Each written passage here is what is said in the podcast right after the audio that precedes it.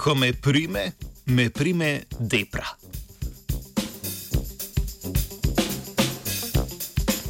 Ameriški znanstveniki in znanstvenice so na skupini glodavcev proučevali, kako črevesna mikrobiota vpliva na njihovo odzivanje, kadar so izpostavljeni stresu v socialnem okolju. Izsledke raziskave so objavili v znanstveni reviji Molecular Psychiatry.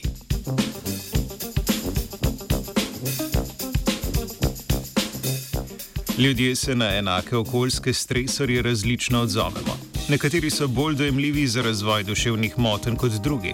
Podobno lahko opazujemo pri laboratorijskih živalih.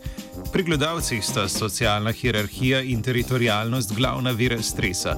Za potrebe raziskave so v laboratoriju simulirali stresorje in opazovali, kako so se živali spopadale z novo ustvarjenimi pogoji. Nekatere so aktivno pristopile, medtem ko so se druge, dovzetnejše za učinke simuliranega stresa, v novem okolju odzivale pasivneje ter kazale več depresivnih in tesnobnih vedenskih vzorcev.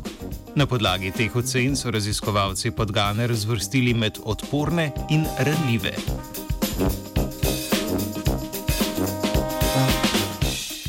Pri analizi fekalne mikrobiote obeh skupin podgan se je izkazalo, da se pri ranljivih podganah nekatere bakterije, naprimer klostridi, pojavljajo v višjem deležu kot pri odpornih.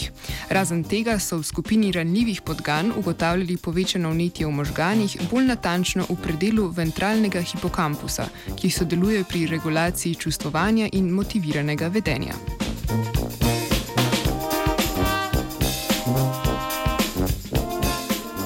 Sledila je fekalna transplantacija, pri čemer so presadili črevesno mikrobioto poskusnih živali v podgane, ki predhodno niso bile izpostavljene stresorjem. Pri prejemnikih presadkov so opazovali pojav že prej omenjenih depresivnih vedenskih vzorcev. Ti so se v večji meri pojavili pri tistih živalih, ki so prejele mikrobioto ranljivih podgan, v primerjavi s prejemniki mikrobiote odpornih podgan ali tistih podgan iz kontrolne skupine.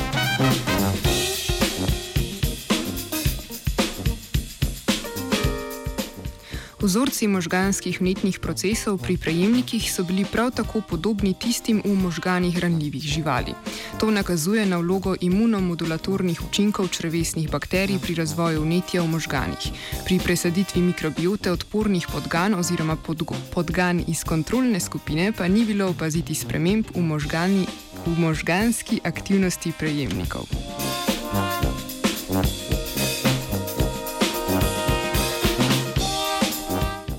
Probiotike, ki pomagajo pri uravnavanju črevesne mikrobiote, že množično kupujemo brez recepta in jih uživamo tudi kot prehranska dopolnila. Lahko si zamišljamo, kako bomo znanje o interakcijah med mikroorganizmi v črevesju in možgani v prihodnosti izkoristili na področju zdravljenja duševnih bolezni.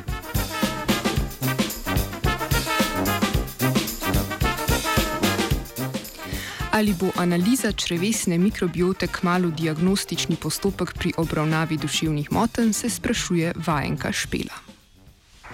Three.